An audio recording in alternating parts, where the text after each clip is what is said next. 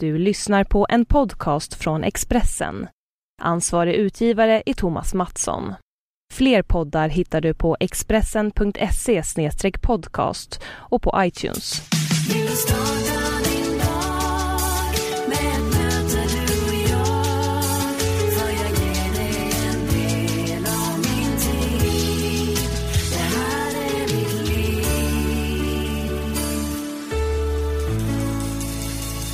Då ska du vara hjärtligt välkommen till årets första avsnitt av Livshjulet med mig Anna Hegerstrand. Ja, det är 2015 och jag ser fram emot att få följa upp föregående år med många härliga gäster som delar med sig av sitt livshjul. Och först ut blir en gäst ni tippade att jag skulle ge er i julklapp. Just för att hon är så förknippad med jul och dessutom fyller år på självaste julafton. Ja, det är Pernilla Wahlgren som gästar mig den här veckan och intervjun spelades in på Maximteatern i Stockholm där hon just nu spelar den elaka häxan i Trollkarlen från Os. Och jag har fått äran att lotta ut två biljetter till den här föreställningen till mina lyssnare. Och det är söndagen den 1 mars klockan 17.00 och för att få tag i de här biljetterna så kan du kika in på min blogg på expressen.se Anna Hegerstrand. Där berättar jag hur du ska göra för att kunna vinna de här biljetterna. Varsågoda, här är Pernilla Wahlgrens livshjul i avsnitt 88 av Livshjulet. Men vi sitter ju här i Dan Ekborgs loge på Maximteatern i Stockholm. Mm. Där eh, du spelar i Trollkarlen från Os. Som den elaka häxan. Japp! Är det kul att få spela en elak roll? Det är faktiskt jätteroligt. Det är, det är en mycket större utmaning egentligen än att bara gå runt och, och spela snäll. Förra gången spelade jag ju Dorothy för 14 år sedan. Och det är också en fantastisk roll och allting. Men det går ju att, att göra lite mer egentligen utav en elak roll. Om man får ta ut svängarna lite mer. Sådär. Sen är det, det är ganska skönt att gå till jobbet och vara elak faktiskt.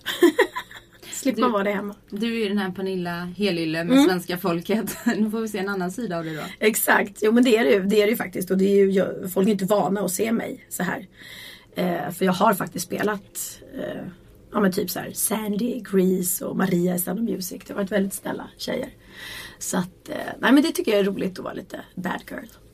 Och du har fått fina recensioner. Mm. Hela, hela föreställningen har fått lysande recensioner. Jätteroligt. Är man nervös när man sitter och väntar på dem där efter premiären?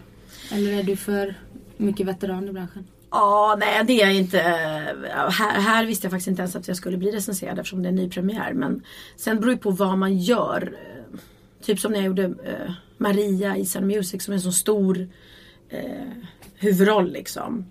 Eller Annie, Annie Get Your Gun. Då, då är man ju mer sådär oj hoppas verkligen att, att jag får bra kritik för att det är jag som bär upp den här föreställningen så mycket på mina axlar och får jag dåligt så blir inte det bra för hela produktionen och allting. Eh, så då kanske man är lite nojig men nej, å andra sidan så kan man, man det, det, man är nojig för det är ju de här testföreställningarna när man ska lyssna på när kompisarna kommer och kollar allting. Det är då man får veta om det är bra eller inte. Har du vänner runt dig som är ärliga som säger att det är skit om det är skit? Mm. Det har jag verkligen.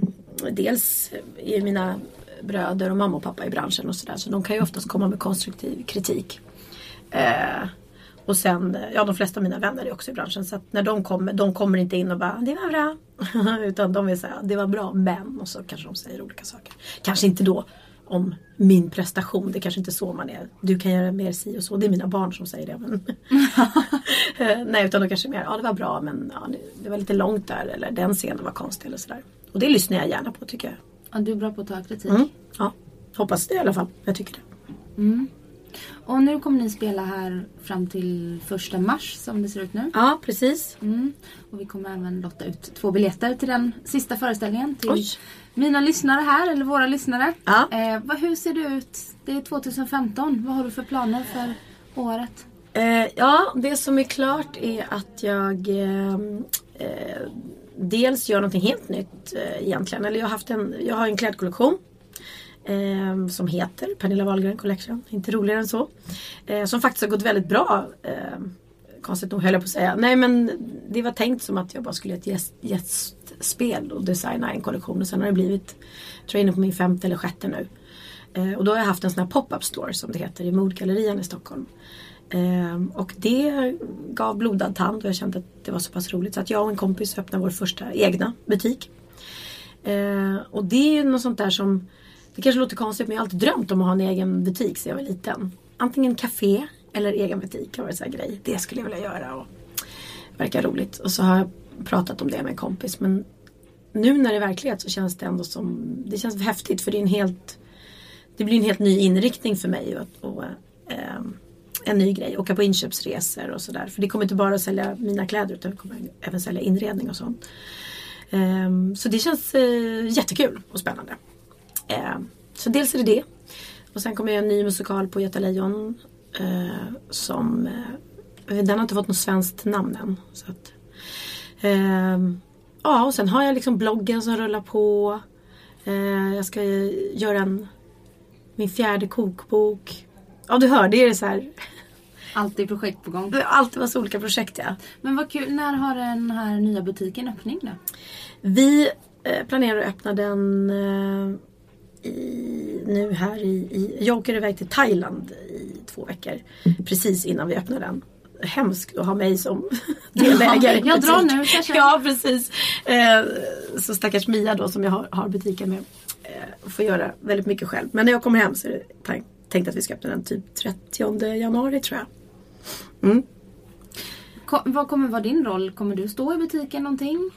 Eh, ja, det, det, kan jag ju säkert göra om, om, om man vill. Men eh, jag har inte gjort det en enda gång i, i den butiken i Moodgallerian. Även om jag trodde att jag kanske skulle göra det. Så eh, det kanske jag inte kommer göra. Men gärna vara där. och eh, Att man kan ha liksom olika så här eventkvällar och så, och så. Sen ska vi även ha Vi har även showroomet i samma butik fast på andra våningen. Och kontor. Så att jag kommer ju vara där mycket ändå. Liksom. Men det, det ska bli jättekul. Otroligt spännande att göra någonting helt nytt. Det känns ändå inte helt långt ifrån för man förknippar ju dig mycket med mode och mm shopping och, och eh, fina saker. Ja men precis. Men det är lite så. Och sen i och för sig, jag har haft en webbshop i flera år faktiskt. Och det är sådana saker som eh, det, det, är inte något som jag direkt pratar om. De som läser min blogg vet att jag har det. Men det är inte så att jag brukar sitta i intervjuer och berätta att ja, på min webbshop kan du köpa det och det. Men det, det, har jag faktiskt haft. Och då har jag konceptet varit att här kan du köpa mina produkter. Men du kan även köpa produkter, produkter som jag själv gillar och har hemma. Och så ska det vara även i butiken. Att, att eh, har jag liksom eh, eh, fina doftljus hemma så ska man kunna köpa dem i, i butiken. För det är så, folk är väldigt nyfikna och intresserade på Instagram och på blogg. Lägger man ut någon bild på mig så är det alltid någon som Du den där skålen som står bakom dig till höger om brödrosten. Var har du köpt den? Man bara Va? Så folk sitter ju och zoomar in och, och är sådär. Så att, um, så Men kan det... inte det handla om att man du är ju en förebild för väldigt många mm. och man romantiserar det här med offentliga personer. Och du har ju varit offentlig så otroligt länge. Du är en av de kändaste kändisarna vi har. Ja. Och så, vill, så försöker man, du, att man får drömma sig bort lite till din värld och så få lite hem av Jo men så kan det ju absolut vara också. Och jag vet att många andra då, typ bloggläsare eller de som skriver på Instagram retar sig på det där. Men gud, måste ni ha allting som hon har liksom? Fast jag kan vara likadan måste jag säga om jag läser någons blogg eller någonting och så har de dukat upp fint på frukost. Så, så blir jag så men gud var kommer de där fina faten ifrån? Eller? Så att jag, jag tror att det är det nya sättet vi inspireras idag. Istället för att man ehm, eh, blir inspirerad av reklambilder eller eh, annonser och så, så blir man inspirerad av Instagram och bloggar och sådär. Eh, där man ser att folk använder det i verkliga livet. Liksom. Mm. Jag blir inte, eh, om jag ser en reklam för eh, Calvin Klein parfymen så säger inte det mig så mycket. Men om jag läser en blogg och någon som säger att gud jag har den nya parfymen, jag älskar den. Då blir jag så här, men så, att, så får man ju tro att det, hoppas att det är sant. ja, att inte bli lurad. Absolut. Nej, men det går ju mer och mer åt att företag marknadsför sig genom bloggar, mm. Instagram och sådär. Instagram har ju väl gått om Twitter som det mäktigaste verktyget nu. Jag, ja, jag lägger faktiskt ut fortfarande på Twitter eh, sådär när man prickar i rutan. Men jag är inte inne på Twitter längre. Um, det, man, alltså, man kan inte hålla hur många sociala nätverk igång. Man blir knäpp i huvudet om man ska sitta. Facebook har jag också släppt. Um, jag, jag typ läser bloggar och Instagram. Sen hinner inte jag med mer. Mm. Då blir man, det är, vi är väldigt nära tycker jag. Ursäkta att jag är så hes. Vi är väldigt nära att hamna liksom där att, att man blir för uppslukad av mobiltelefonen. Och det gäller alla, det gäller alla i vår familj och eh, man ser det hela tiden. Det är ett fantastiskt redskap att när man sitter och väntar på någonting att ha sin iPhone. Men det är ju hemskt när man sitter vid middagar och bara det, ja, det tänkte jag på när jag var hemma hos dig och intervjuade dig inför när du hade släppt din eh, bok, Lillas jul. Mm. Då så satt Benjamin med dator och Bianca med telefonen och, och det var väldigt mycket teknik. Mm. Eh, känner du ett ansvar som mamma att ehm, inte hålla på så mycket? För det är ju lätt att man gör det. Ja precis. Nu är de så stora så att det det, jag tror det är värre i, i den där åldern som Theo är, sju år liksom. Att de inte bara, och det, det, är ju inte bara jag, det är alla dagens föräldrar. Att ungarna måste ut mer i friska luften och inte bara eh, sitta och spela tv-spel och sådär. Eh, nu är ju Theo väldigt eh, sportig av sig så han spelar fotboll och hockey och är ute väldigt mycket. Och det är jättebra. Men det jag försöker att styra upp i vår familj är att vi inte sitter eh, för mycket eh, med mobiltelefonerna kring matbordet eller att man stänger av TVn när man äter middag. Eh, och, så, och, och, det, och det, det är lite dubbelt. För innan vi äter middag så ska alla ta de här bilderna på maten. För alla bloggar och Instagram. Ja precis. Men då säger jag så här, alla tar sina bilder på maten och sen lägger vi bort dem liksom. Så att eh, ja, man, man är lite kluven men det, nej, det, man får inte bli för uppslukad av det. Så att jag säger någon till mig, gud vad du håller på med din mobiltelefon. Då tar jag åt mig av det och så tänker jag, gör jag? Men gud, då lägger jag bort den.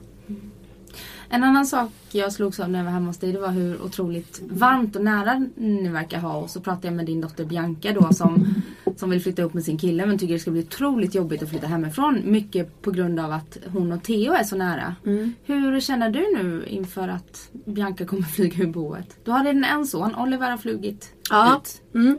Han är 25 så att han flyttade för länge sedan. Han flyttade redan när han var 16. Så att, eh, men Bianca kommer det bli Tufft och särskilt Alltså vi har så himla mysigt ihop så att det är inte är sant. Och dels det att hon hjälper mig otroligt med te och, eh, och är en tillgång där. Och sen att vi har så himla mysigt tillsammans. Det är så kom, jag menar, jag lever inte tillsammans med någon man så för mig när jag kommer hem till mina barn det är så här, eh, Jag tycker det är jättemysigt. Och bara, vi käkar middagar ihop och vi chillar framför TVn eller vi gör saker ihop. Så att det kommer bli jättetomt för mig när hon flyttar. Verkligen. Eh, så ja, kommer nog gå råtas några tårar. Mm. Mm. Eller fälla några tårar kanske man säger. Men du har fortfarande några barn hemma då? Ja, jag har ju Benjamin och Theo. Det har jag. Men Bianca är så, Bianca är så himla pysslig av sig. Um, det låter ju hemskt så här, att, bara för att hon är tjej då. Men, men Nej men vi gillar, det är väldigt, väldigt lätt att ringa henne och bara kan du duka fram till middagen, jag har köpt med mig mat och så vet jag att när jag kommer hem så är det så här mysigt dukat och hon har tänt levande ljus och fixar överallt.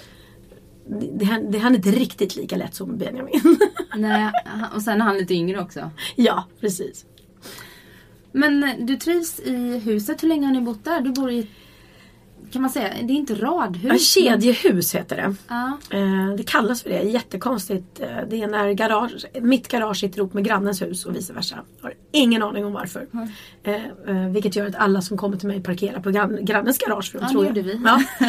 Så den som har uppfunnit kedjehus skulle jag vilja ta ett snack med för jag förstår inte logistiken eller meningen med det. Men så är det. När jag bor i ett kedjehus på en liten lugn gata på Lidingö. Där jag har bott, alltså jag har bott på Lidingö i tio år tror jag. Trivs jättebra, älskar Lidingö. Eh, och bodde förut i ett stort kråkslott eh, som var jättevackert men jättestort. Och mycket att göra. Och jag bodde mitt i en korsning där det, där det var väldigt mycket trafik så jag var alltid rädd. Eh, för ungarna när de, eller när Theo var mindre. Eh, man kunde absolut inte springa till någon kompis eller så. Och här är en sån här eh, Bullerbygata där, där barnen springer mellan husen och det finns inte, inte massa trafik. Och sen har jag världens sötaste lilla insjö utanför mitt fönster som jag tittar på. Så att jag trivs jätte, jättebra. Mm. Känner du att du vill bo kvar där när, när eh, alla barn flyttar ut? Nej, det tror jag dock inte. Uh, jag har flyttat väldigt mycket i mitt liv. Uh, och tror inte att jag kommer liksom bo där tills jag blir gammal utan då kan jag lätt tänka mig att flytta in till stan kanske igen och bo i, i lägenhet. För det är, ändå, det är ändå jobb med hus. Även om det här huset är mycket mindre jobb än det förra. Så är det ändå jobb. Och jag är egentligen ingen husmänniska så jag vet inte varför jag bor i hus. Jo men jag bor i hus för, för barnens skull såklart. Hur länge har ni bott i det här huset? Tre år ungefär. Men jag gillar inte att påta i trädgården. Jag gillar inte att eh, kratta löv och ha eh, sådär. Så att eh, eh, Nej, det blir nog lägenhet sen. Men just nu är det jättebra. Men däremot så känns det som du gillar att fixa hemma med inredning och baka och... Mm. Men jag är en riktig hemmakatt. Jag älskar att vara hemma. Um, alltså får jag välja vad jag vill göra en ledig kväll så uh, alla gånger mysbyxor uh, framför tvn och en god middag hemma än att dra på mig högklackat och ut, ut med tjejkompisarna och, och käka middag. Även om jag tycker det är jättetrevligt också. Men uh, nej, jag älskar att vara hemma. Så det är bra, det är bra. Och det är ett bevis också på att det blev bra när vi flyttade för jag älskade inte att vara hemma i det förra huset. Jag trivdes inte där till slut. Eh, så att då var det väldigt skönt att flytta till något, något mindre mysigare. Liksom. Jag, jag kommer ihåg att jag var hemma hos kompisar som bodde i små trånga lägenheter eller mindre så tyckte jag vad mysigt ni har det. Och så hemma hos mig när alla kom hem till mig sa de Gud vad stort och tjusigt. Men jag trivdes inte för jag tyckte också att det var stort och tjusigt och det är inte alltid mysigt med stort och tjusigt. Nej, det kan kännas kallt. Ja, det blev lite. Det blev verkligen så här. Hopp, här sitter jag ensam i den här soffan i det här jätterummet. Just att du är ensam. Eh, trivs du ensam eh, att vara med dig själv? Ja, det gör jag. Ehm, har inga problem att vara själv. Det är ganska många som tror säkert att jag har det eftersom det oftast är väldigt mycket folk hemma hos oss. Ehm, men nej, jag, jag, kan tycka det är jättemysigt att vara själv. Ehm, och det kanske inte alltid har varit så. Utan det kanske har tagit tid att hitta det här eh, lugnet. Jag vet när Theo var liten till exempel så, så, och vi separerade så mådde jag jättedåligt när jag inte hade honom. För att jag kände mig liksom halv utan honom. Och nu är han sju år och nu, det har tagit tid men nu kan jag njuta när, han, när jag inte har honom istället. Och bara Jaha, nej men gud då kan jag ju bara ta det lugnt ikväll och behöver inte ja, ingen läggtid att passa eller liksom eh, någon att ta ansvar för utan bara vara för mig själv. Så att eh, idag njut, njuter jag faktiskt av att vara själv. Och vad är det du har tagit med dig? Jag läste en intervju du gjorde med mamma, det är nog några år sedan nu. Um, där det var ett skvaller. Det, det är någonting som händer här. Mm. Ja, i mamma... Ska jag berätta vad skvaller är eller? Ja, jättegärna. Mm, bara säger. Skvaller är den här lilla högtalaren som sitter på teatern. Eh, och så hör man då vad som händer på scenen samtidigt. Så att man kan sitta i sin loge och vara med under föreställningen. Ah. Och veta att oj nu hör jag att jag ska entré snart. Det kallas för skvaller. Ah. Och nu har barnen anlänt till teatern och eh, de har antagligen eh, soundcheckar att de prövar sina myggor på scenen. Mm. Min första tanke är ju, se om det går kan man stänga av skvaller? det ska man kunna. Nu höjde jag. Aha, och just därför går det inte med den här. Ja, men nu, nu blir det tyst. Voilà, titta. Mm. Okej, okay, um, ehm, Jo, i mamma för eh, det här är några år sedan mm. eh, så, så eh, läste jag att du, du tyckte det var jobbigt just det här att lämna bort Theo fyra dagar och ha honom fyra dagar och mm. sådär. Vad känner du? Nu faller tillbaka. det finns liksom ingen... Men jag kan fråga om du kan stänga av den nu. Mm. Ursäkta? Går det att stänga av skvallret nu bara under liksom, innan vi börjar föreställningen? För det går in, vi gör ju sån här podcast, det går in i... Och jag har försökt stänga av den här men jag har den i botten och ändå hör man. Tack snälla. Tack. Tack. Så. Igen. Vi tar från mamma-intervjun då. Uh -huh. ja, jag läste den här intervjun i mamma för ett par år sedan. Att du tyckte det var jobbigt att lämna bort Theo. Att det var precis det som, som du inte ville. Att mm. du förklarade för Theos pappa att du ville vänta för att du ville vara säker på att ni skulle vara en riktig familj. Mm. Vad känner du att du har tagit med dig? För du har ju tagit hand om dina stora barn eh, helt själv i princip. Mm. Eh, och sen så um, separerade du och Theos pappa. Vad har du tagit med dig nu som du känner om du träffar en ny man? Eh, ja, alltså nu, nu är jag ju... Grejen är att det där går inte att säga. Nu är jag så pass gammal så att jag eh, kommer inte få fler barn. Så att just den biten kommer jag inte hamna i igen. Och, och, det går inte att ta med sig något. Även om jag hade varit yngre och träffat en ny man och vill ha barn. Du, du kan ju aldrig veta innan. Eh, för det spelar ingen roll om jag tycker att men nu har vi satt ett barn till världen och då har man eh, ett ansvar och vi, att vara en familj liksom och kämpa för det om inte den andra vill så, så funkar inte det. Så att det går egentligen inte. Eh, det är klart att jag absolut inte, det var inte min önskan att skaffa ett barn eh, till med en ny man och så skulle det spricka också. För det var ju det jag ville att få. Nu ska, åh, äntligen så blir det liksom familj igen. Eh, men det är ju ingenting som, som jag har, skulle kunna gjort annorlunda egentligen. Eh, så det går inte att ta med så mycket. Däremot så så har jag, men, men det är också, att, som jag sa att nu, nu känns det okej. Okay, men det är också för att han har blivit större. Jag, jag är sån som mamma att jag vill vara nära mina barn väldigt, väldigt mycket. Och särskilt när de är små. Så tycker jag att det känns väldigt konstigt i min mamma eh, själ liksom att, att eh, vara ifrån mitt barn jag inte behöver. En helt annan sak om, om man åker och jobbar eller sådär och lämnar upp eh, ansvaret till pappan. Absolut, men när jag är ledig och hemma och inte eh, och någon annan har mitt barn och jag inte får vara med. Det, det bara kändes jättekonstigt. Eh, och så hade jag det aldrig med de små så det kan ju varit det också. Att det har ju också blivit, har man varit extremt själv som jag varit med de tre första så blir det en jätteomställning då eh, att inte vara det med, med det fjärde. Men eh, ja, det, det, har varit skitjobbiga år och jättetufft men, men jag har ju tagit mig ur det och det är jag otroligt tacksam för.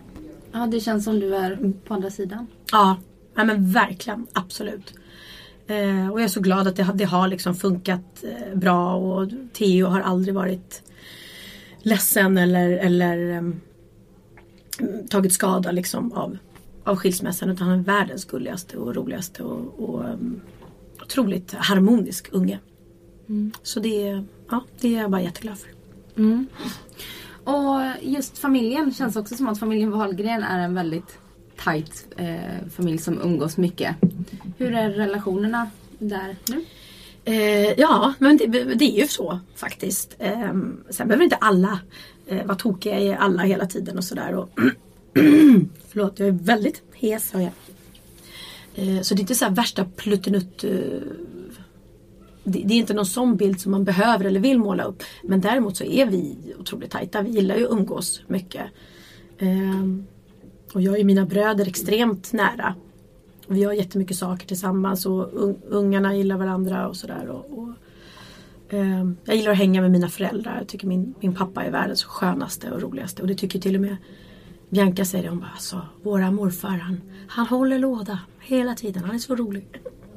Så att ja, men jag tror att det är, mina föräldrar är väldigt ungdomliga utav sig och det har nog smittat av sig på, på oss barn. Och så så att vi har en, vi har en väldigt skön jargong och skön eh, känsla i vår familj. Vi skrattar väldigt mycket. Mm. Mm. Känner du dig ungdomlig av dig? Eh, ja men alltså både, både och. Jag känner mig absolut inte ungdomlig på så sätt att jag eh, att jag försöker så här, klä mig eller, eller, eller eh, hålla mig ungdomlig på det sättet. Att jag Eh, jag vill inte, eh, det är inte mitt mål att se ut som en tonårstjej så. Eh, och jag gillar ju inte att gå ut så himla mycket och parta. Så där är jag ju inte ungdomlig. Men i mitt sinne är jag väldigt ungdomlig. Och känner mig fort. Men inte det där en del säger så här, men gud jag känner mig som 20 och så tittar jag mig i spegeln och så bara ser jag en gammal tant. Så är jag inte. Jag är jätteglad. Jag tycker fortfarande att jag ser liksom eh, ändå relativt eh, ung och fräsch ut utan eh, att ha gjort massa ingrepp och sådär. Så att man inte ser konstig ut. Eh, så det är jag glad för. Absolut ser jag inte ut som, som jag gjorde förut. Men det är inte, det, ännu har det inte kommit så här shit vad jag börjar bli gammal. Förutom på morgonen kanske. Och sådär. vad är din inställning till skönhetsingrepp? Att, nej, jag är absolut inte emot det. För det skulle ju vara töntigt. Men, men eh, jag tycker att det ser eh, det ser så, eller jag, jag gillar inte det när man säger så ah, gud vad hon ser botoxad ut. Det vill man ju inte höra. Um, det är inget fel, det är bara att man känner så här, men måste ni göra det så mycket eller konstigt. Sen, sen när man ser konstigt ut som eh, ja, Sylvester Stallone och de här hur de börjar. Hans mamma. Hans mamma framförallt. Ja. Eh, men Victoria Silvstedt till exempel eh, har gjort ingrepp. Hon är ju assnygg. Eh, och hon ser inte konstig ut för hon har alltid sett ut sådär. Typ. Så då köper man det liksom. Skulle jag bara komma från en dag till en annan med jättetuttar och jätteläppar skulle det se jättekonstigt ut. Eh, Men skulle du kunna tänka dig att göra det om du känner att nu börjar det bli lite väl rynkigt här eller? Jag är nog mer inne på, ja jag skulle säkert eh, testa men, men eh, jag är nog mer inne på liksom bra, bra krämer och ta massa så behandlingar. Och, jag har gjort sådana här behandlingar när man sprutar in koldioxid i hyn. Det låter jättekonstigt. Men det har, det har funkat. Det har funkat skitbra. Nu är jag ganska dålig på att vara kontinuerlig med saker. Är det, är det slätade ut rynkor då? Mm, du fyller på eh, huden inifrån med koldioxid. Eh, och det, det ökar syretillförseln då. Och det som händer när man åldras är att eh, huden producerar mindre koldioxid. Jag hoppas jag säger rätt nu. Jag, inte, men jag tror att det var så. Eh, och då ökar man på det där vilket gör då att, att huden får en annan lyster och, och att det slätar ut rynkor. Och det har jag faktiskt sett att det har funkat. Eh, eh och botox har jag testat en gång och det var ingenting för mig för att jag kunde inte jag kunde inte röra mitt ansikte. Jag fick huvudvärk och jag såg helt konstig ut. Så att eh, ja, de har testat en gång och så gick jag och väntade på att det bara skulle gå ur kroppen så att jag såg normal ut igen. Det var säkert inte så många andra som, som såg det överhuvudtaget men jag kände själv, jag, förlor, jag kände att jag förlorade liksom min själ i ögonen. Jag såg inte Många som är botox ser så arga ut när de skrattar. Ja. ja. Och så blev det för mig.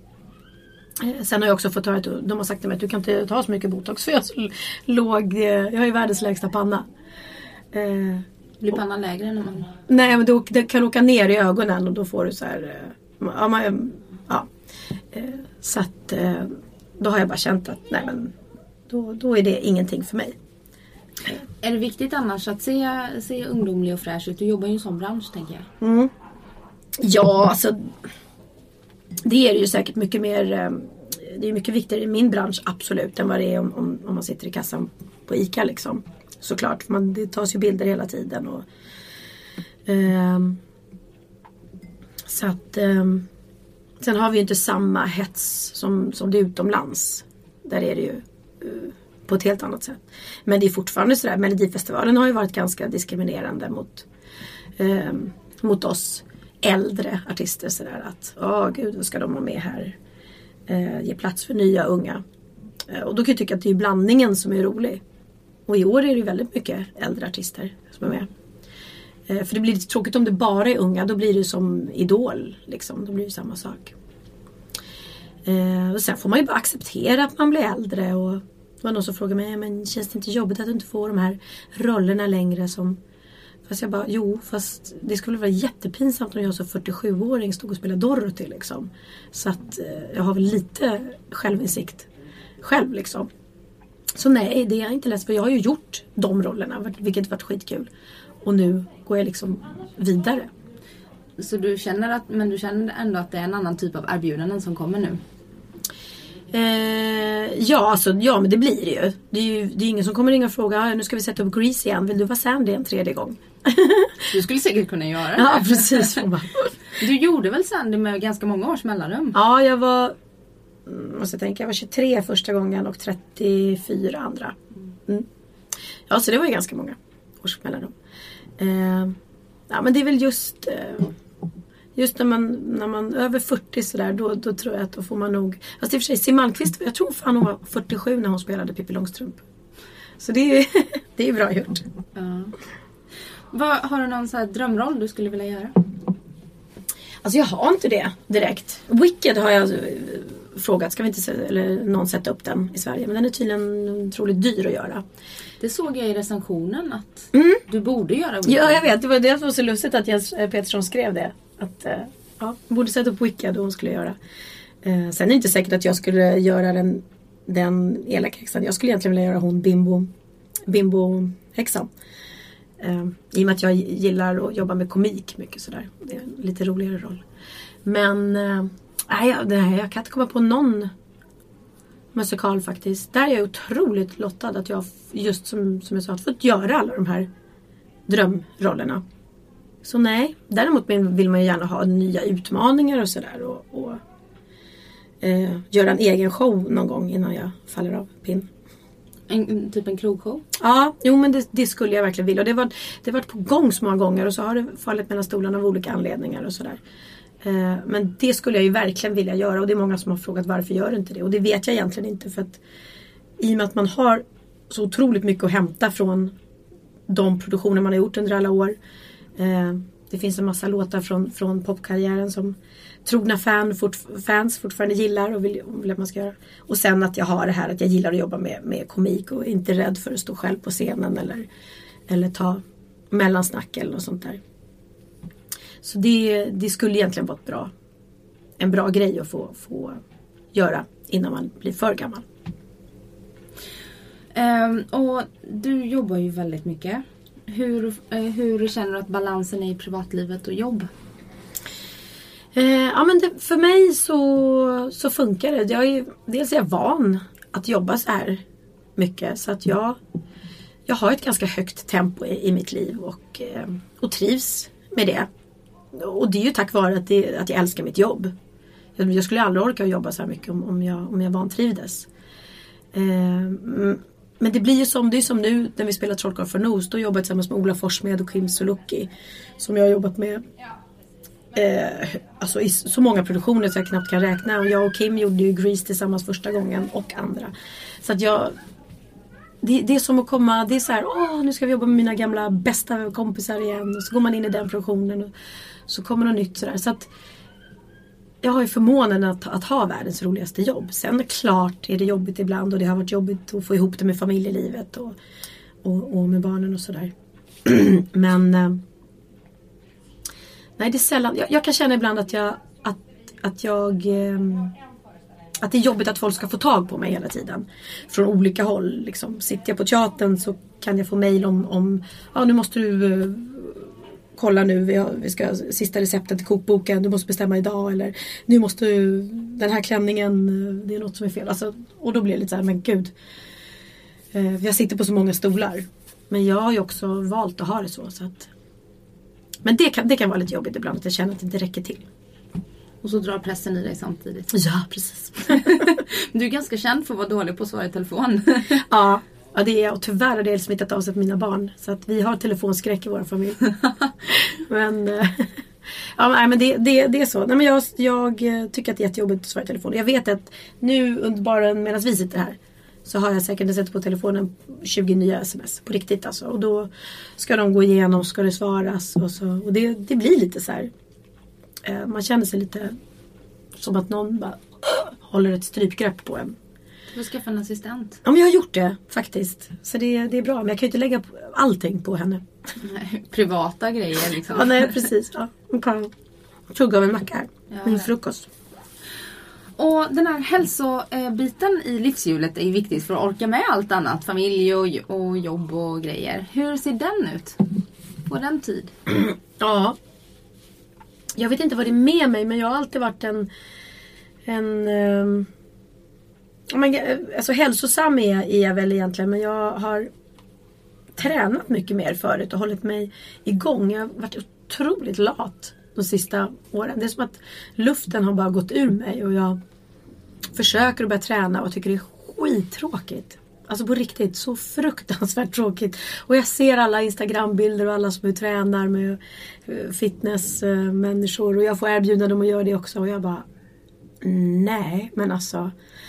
Så jag vet inte, där, där känner jag att jag är extremt dålig på, på att ta hand om mig. Jag borde träna mycket mer, säkert. Jag sprang eh, topploppet här i somras, fem kilometer. Det var skitjobbigt. Jag trodde liksom fem kilometer, hur svårt kan det vara? Det kan väl inte vara så jobbigt. Men det var det ju. Eh, även om de som var med och sprang tyckte att jag var jätteduktig för att jag var helt otränad. Så att någonstans har jag ju någon grundkondition som jag säkert skulle kunna träna upp. Men jag är jättelat och det skäms jag för. Um, och lite för mycket livsnjutare också. Så jag har ätit lite för mycket bra, god mat senaste tiden. Så egentligen borde jag träna och borde äta lite nyttigare och gå ner de där extra kilorna. Men eh, jag vet inte, jag mår lite för bra just nu. ja, för du säger att du borde göra det. Men om du mår bra och du inte känner någonting i din kropp. Då kanske du känner att du borde det för att det ja, ska vara så. Ja, precis. Ja. Nej men jag, jag, jag säger så här att enda anledningen egentligen att jag vill gå ner det är för att jag vill liksom komma i mina gamla jeans och, och eh, det är enklare att klä sig när man, när man inte, inte när man är smal men när man har sin liksom sin trivselvikt. Så är det ju. Eh, så att egentligen mår jag inte dåligt så. Det, det är bara mest när det är bråttom och man ska någonstans och man bara vill dra på sig jeansen. Och då kan man inte det för man får inte igen dem och då inser man att ja, då är ju antingen träna och äta nyttigt eller att gå och köpa sig ett par jeans i en storlek större. Och det vill man ju inte. Nej, man vill ju inte det. Man vill ju inte det.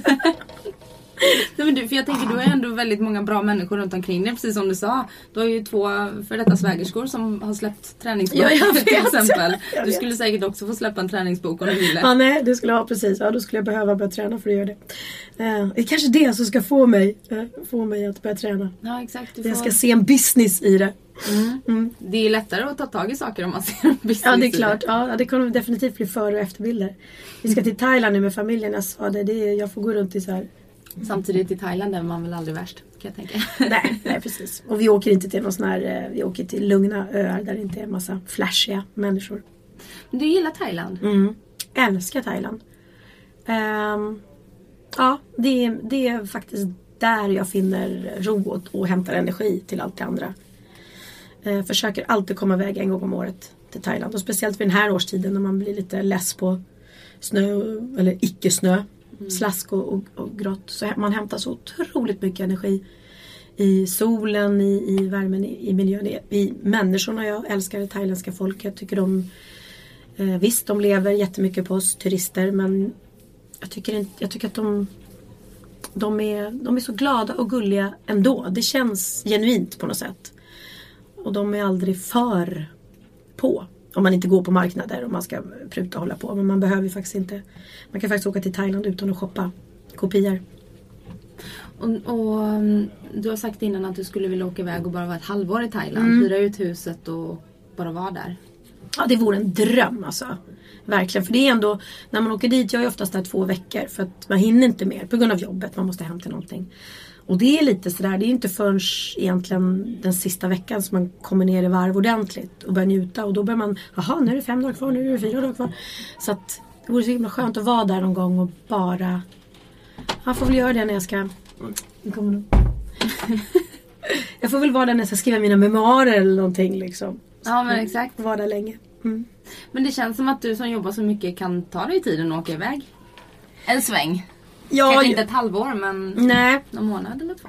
ja, men, det, men det får väl bli när man blir äldre och, och, och barnen klarar sig eh, eh, själva. Eller inte går i skolan eller såna där saker. Eller kan följa med. Hur gör du annars eh, för att, att koppla av och hämta energin i vardagen? Här hemma i Sverige. Här hemma i Sverige. Eh, jag är ingen sån där som, som går på spa och, och har egen dagar där jag tar hand om mig själv. Eh, det skulle jag gärna vilja ha. Men det blir inte så utan då är eh, träningskläder och ligga i soffan och bara vara hemma och inte ta en promenad jättegärna ute i friska luften. Men inte åka in till stan eller göra massa aktiviteter. Och, och, och ja, hemmakatt. Bara vara hemma. Det tycker jag är jättemysigt.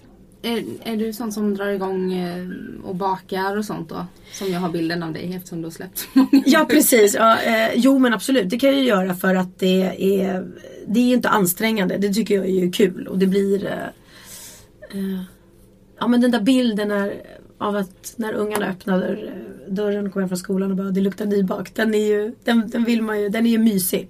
Och eh, det är absolut inte så varje dag men oftast bakar jag och så kommer de hem och bara gud vad gott. Eller också är de med. Eller Theo mest, han är ju minst. Men det är väldigt mycket, vi är ju extremt eh, eh, jag tror nästan 90% av vårt liv och det vi pratar om eh, är, är runt mat i vår familj. Jag tror det är så för ganska många människor. Ja det kanske är det. Det råder en fixering kring Ja, mat. ja. Men, det, men, men eh, det är ju så himla kul att äta gott och, och roligt. Och, och ehm, vi tycker själva att, att ehm, Ja, att det är så himla viktigt liksom att inte bara slänga fram falukorv och makaroner till middag utan verkligen lägga ner tid, tid och, och energi.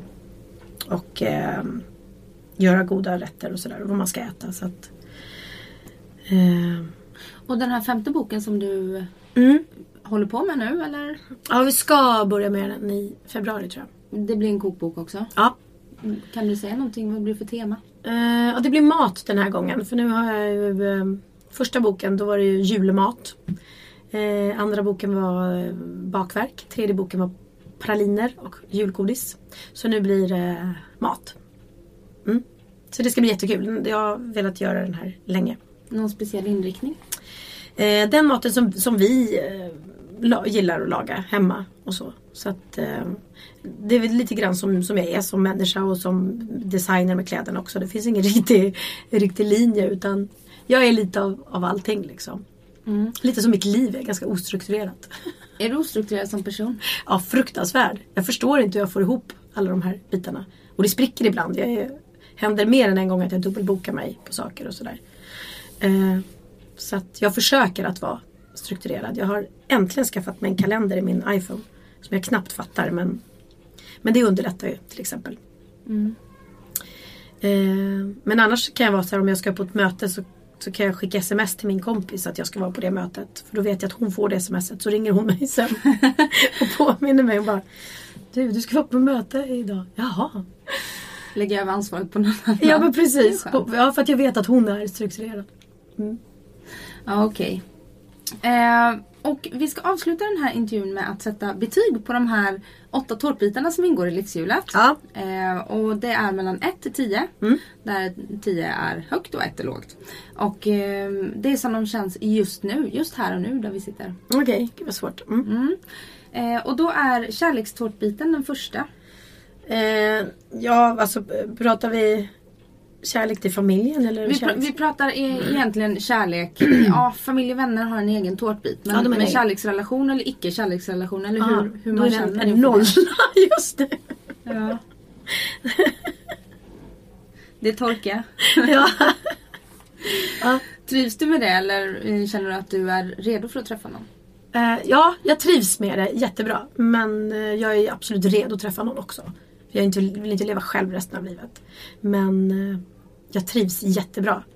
Eh, som jag har det just nu. Så att jag kommer inte aktivt leta. Känns det som. Det känns som att du är på en bra plats om du skulle träffa någon. Att Ja, du men precis. mår bra i dig själv. Jo, och det är jätteviktigt. För det har inte alltid varit så. Så att eh, eh, den som träffar mig nu får en väldigt eh, glad och harmonisk Pernilla och en glad och harmonisk familj på köpet. Så det känns väldigt bra. Lyx. Mm. Ja, ja, det är bara. jag får det så bra. Och familj och vänner. Mm. Den tårtbiten, det här sociala nätverket. Ja, men det är en tia faktiskt. Jag måste säga det. Jag har så otroligt bra vänner och det har jag alltid sagt. Det har jag tjatat i alla program. Eller program, i alla intervjuer om mina vänner. Och när jag gjorde sommarpratet i radio så tillägnade programmet till mina vänner. Men jag har verkligen fantastiska vänner som, som har hjälpt mig otroligt eh, genom de, de livskriser jag har haft. Um, vilket har gjort att jag har inte ramlat ner i några svarta hål och jag har inte behövt gå, gå och prata med någon. Uh, jag har gjort, gjort det men då har jag känt att jo det här var ju bra fast det här är exakt det jag får av mina vänner. För att de är jättekloka och vi stöttar och peppar varandra i, i olika situationer genom livet. Så det, det är jag glad för. Och sen tia till min familj för att jag har världens bästa familj och världens bästa ungar som jag älskar över allt annat. Och då måste jag fråga, för Benjamin han går ju verkligen i dina fotspår. Mm. Han, eh, det är Let's Dance och musikaler och Mm. eh, han är ju en väldigt offentlig person redan och han är bara 17 år va? Mm.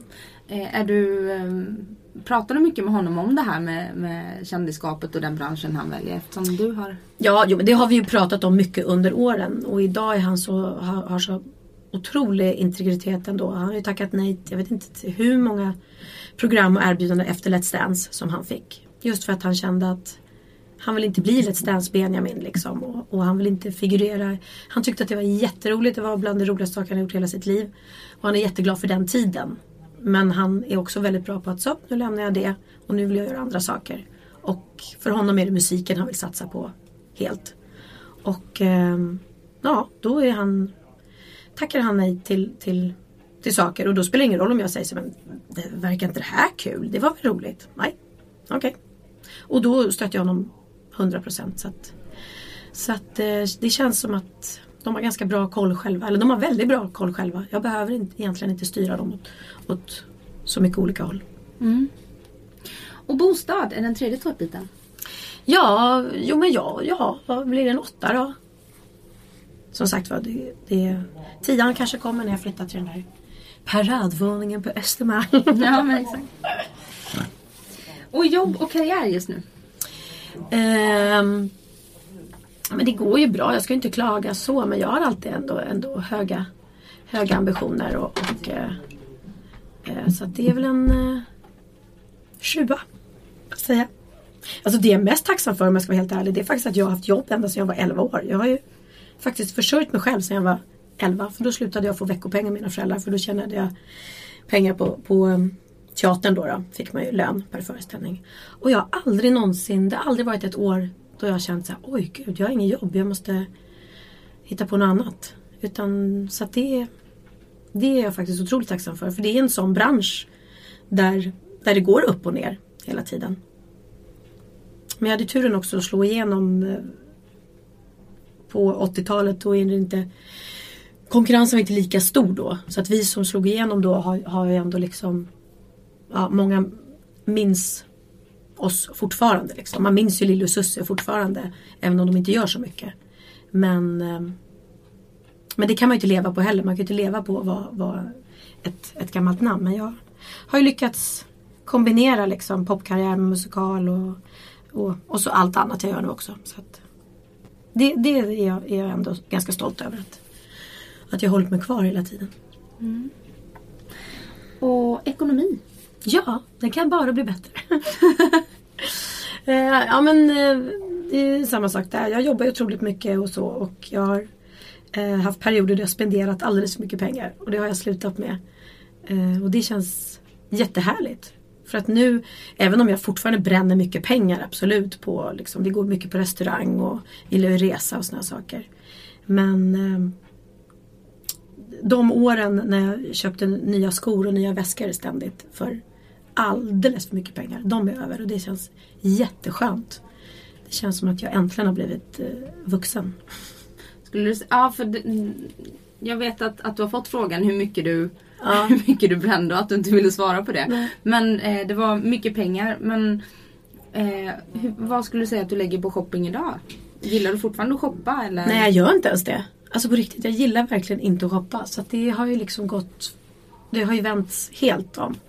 Men det är också för att jag Alltså jag fyllde, försökte fylla något, något sorts tomrum i mitt liv och, och tröstshoppade och sådär. Så att för mig är det Idag mår jag bra och är lycklig så vad ska jag Har jag en ledig stund så vill jag göra annat än att gå i affärer. Och eh, även om jag ser ett par skitsnygga skor så idag, förut kunde jag inte låta bli att köpa dem. Och idag känner jag såhär, gud vilka snygga skor. Men jag har ju redan ett par liknande jättesnygga hemma. Eh, och så tänker de flesta men jag tänkte inte så förut. Så att, eh, och det här med, visst jag älskar mina, mina designväskor och sådär. Och, och eh, är jätteglad för de väskor jag har men jag känner inte att förut så behövde jag hela tiden fylla på förrådet. Så att eh, ja, det har tagit några, några år att komma till den insikten. Men det känns jäkligt skönt. Du har bränt mycket pengar på ditt modintresse men nu tjänar du också pengar på ditt modintresse genom Ja precis, det blir ett givande och tagande. Ja, exakt. Och vad skulle du ge för konkret betyg på ekonomi? Eh, på min? Mm. Ja men en femma tror jag. Det är ändå så att jag kan leva bra och gott och, och det är också något av det som jag är mest stolt över och som jag vet att ungarna är så tacksamma och stolta över. Just att jag har försörjt dem själv liksom. Eh, och eh, har valt att inte, inte, inte, inte försöka få kräva pengar av någon annan, annan utan klara det själv istället.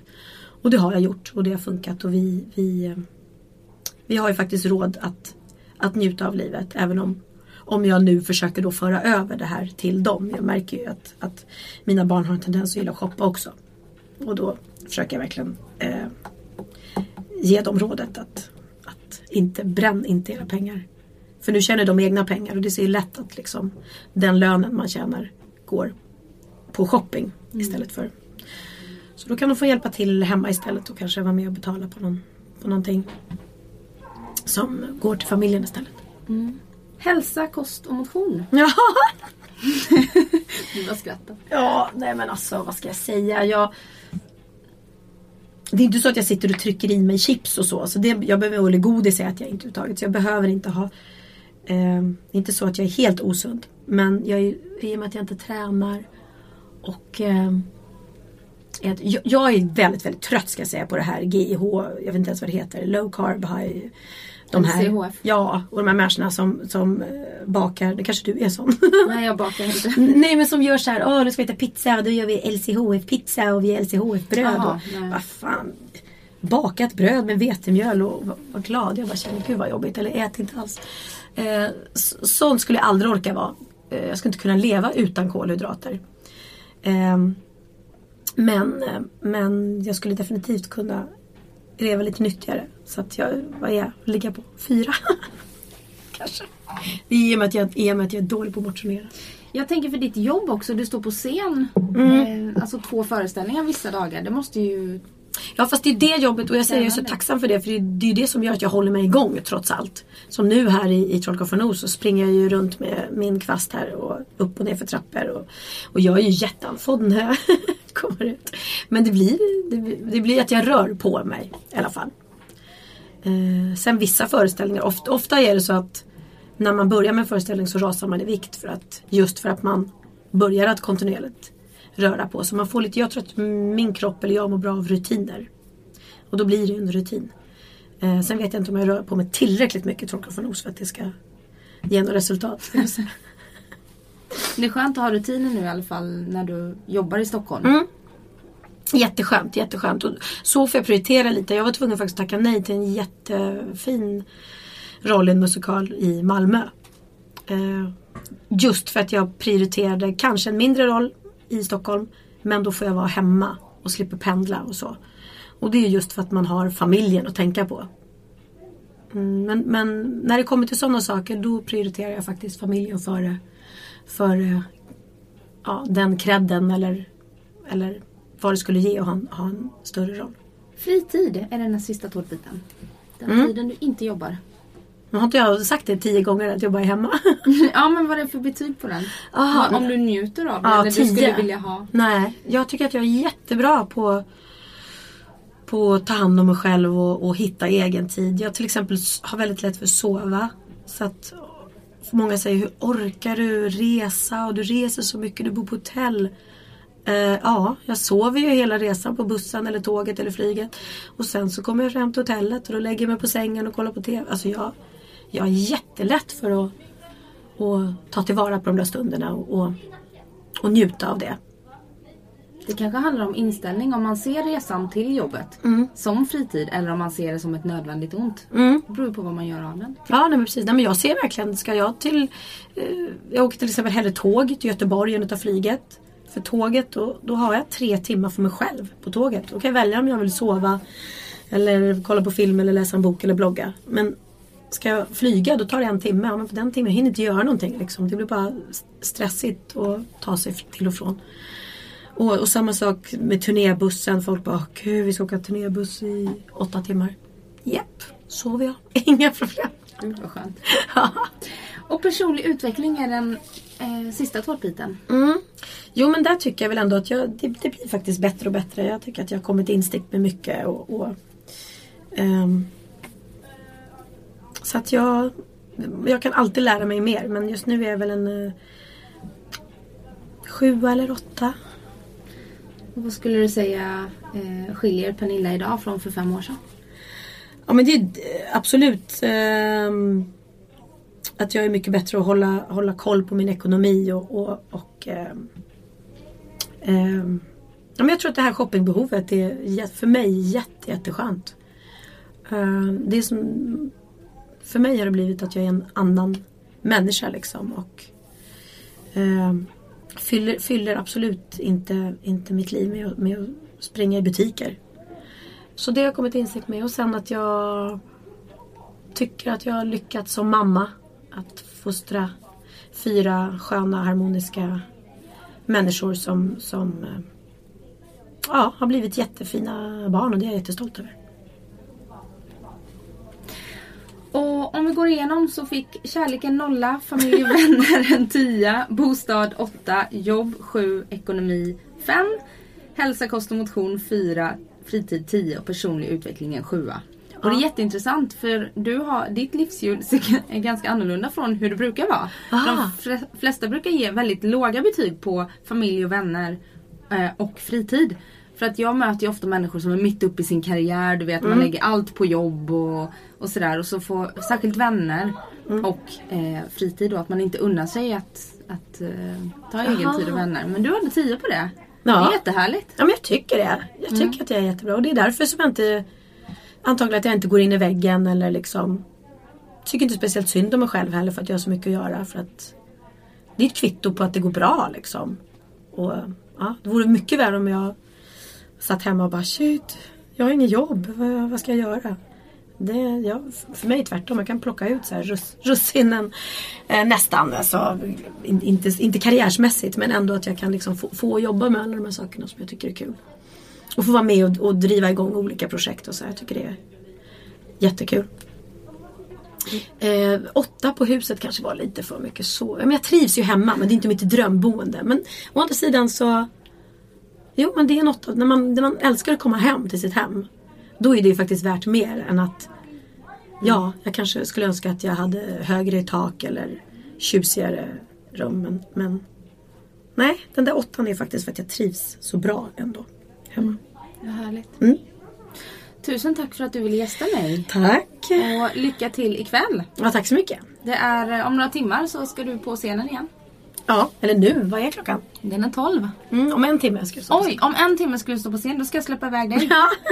Ha det så bra nu och lycka till med allting. Och jättekul att du ville kicka igång 2015 för livshjulet. ja, vad härligt. Tack snälla. Ha det bra. Ha det bra själv. Hej då.